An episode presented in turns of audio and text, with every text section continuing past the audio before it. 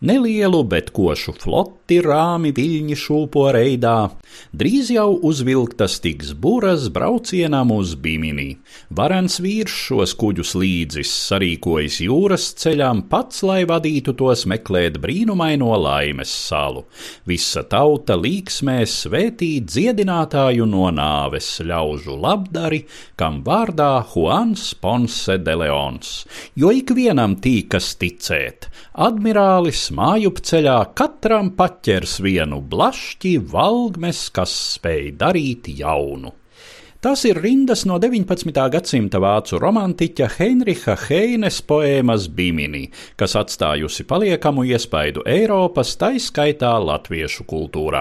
Poēmas sižets saistās ar leģendārā dzīvā ūdens avota meklējumiem jaunajā pasaulē, un tās galvenais varonis - Juans Ponce de Leons, vēsturiska persona, Kolumba laikabiedrs, viens no pirmajiem spāņu konkistadoriem. Juans Ponce de Leons dzimis ap 1460. gadu spāņu muiznieku ģimenē Valjadolīdas provincē Spānijas centrālajā daļā. Viņš piedalījies karā pret Kordovas emirātu, kura rezultātā Spānija pakļāva šo pēdējo musulmaņu valsti Ibērijas pussalā. 1493. gadā viņš pievienojās otrajai Kristofora Kolumba ekspedīcijai uz jaunatklātajām zemēm rietumos. Desmit gadus vēlāk mēs viņu redzam kā vienu no spāņu spēku komandieriem Hispaniolas salā, šodien plašāk zināmā kā Haiti. Par nopelniem, pakļaujot spāņu varai vietējos taino indiāņus, Ponce de Leons tika pie Igvejas provinces gubernatora amata un plašiem zemes īpašumiem, kas verdzībā pakļauto indiāņu apstrādāti deva labus ienākumus. Hispaniola bija spāņu pirmais īpašums un atbalsta punkts tālākajai ekspansijai Karību basēnā, un Ponce de Leons kļuva par vienu no pirmajiem šīs ekspansijas īstenotājiem.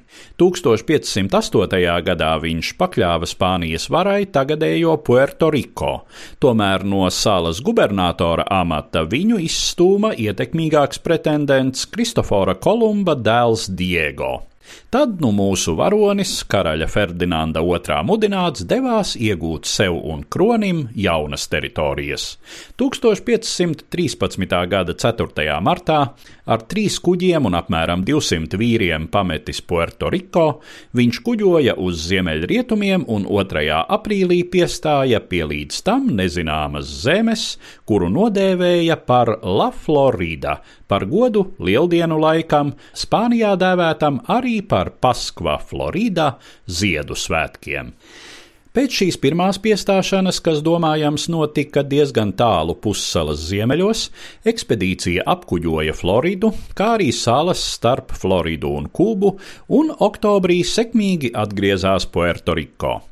Karaļa izsniegtā licence padarīja Ponsi de Leonu par visu jaunatklāto zemju gubernatoru, taču līdz ar Ferdinanda nāvi konkistadoram nācās no jauna aizstāvēt savas tiesības. Tas prasīja vairākus gadus, un nākamais kuģojums uz Floridu notika tikai 1521. gadā. Kalusas cilts indiāņi, kuru zemēs ekspedīcija piestāja malā, nelūgtos viesus sagaidīja ar ieročiem. Domājams, starplaikā šeit bija viesojušās spāņu vergu gūstītāju ekspedīcijas. Ponce de Leons kaujā tika smagi ievainots ar saindētu bultu, ekspedīcija pameta Floridu un devās uz Kubu, kur tās vadonis drīz vien šķīrās no dzīves. Karaļa Ferdinanda izsniegtā licence kā pētāmo un pakļaujamo teritoriju nosauc Benimī salas, ar to domājams saprotot spāņiem tobrīd jau nedaudz pazīstamo Bahamu arhipelāgu. Ne šī licence, nec kāds cits pirmatklājēja dzīves laikā tapis dokuments, neko nemin par mūžīgo jaunību dāvājošā brīnuma avota meklējumiem. Leģenda par šādu avotu Ponses de Leona dzīves laikā patiešām bijusi izplatīta izplatīta Karību salu indiāņu un spāņu kolonistu vidū, taču viņa biogrāfijā šī detaļa acīm redzot ierakstīta jau pēc konkistadora nāves. Tomēr tieši šis romantiskais motīvs nodrošinājis Juana Ponses de Leona vārdam vislielāko atpazīstamību nākamajos gadsimtos. Stāstīja Eduards Liniņš.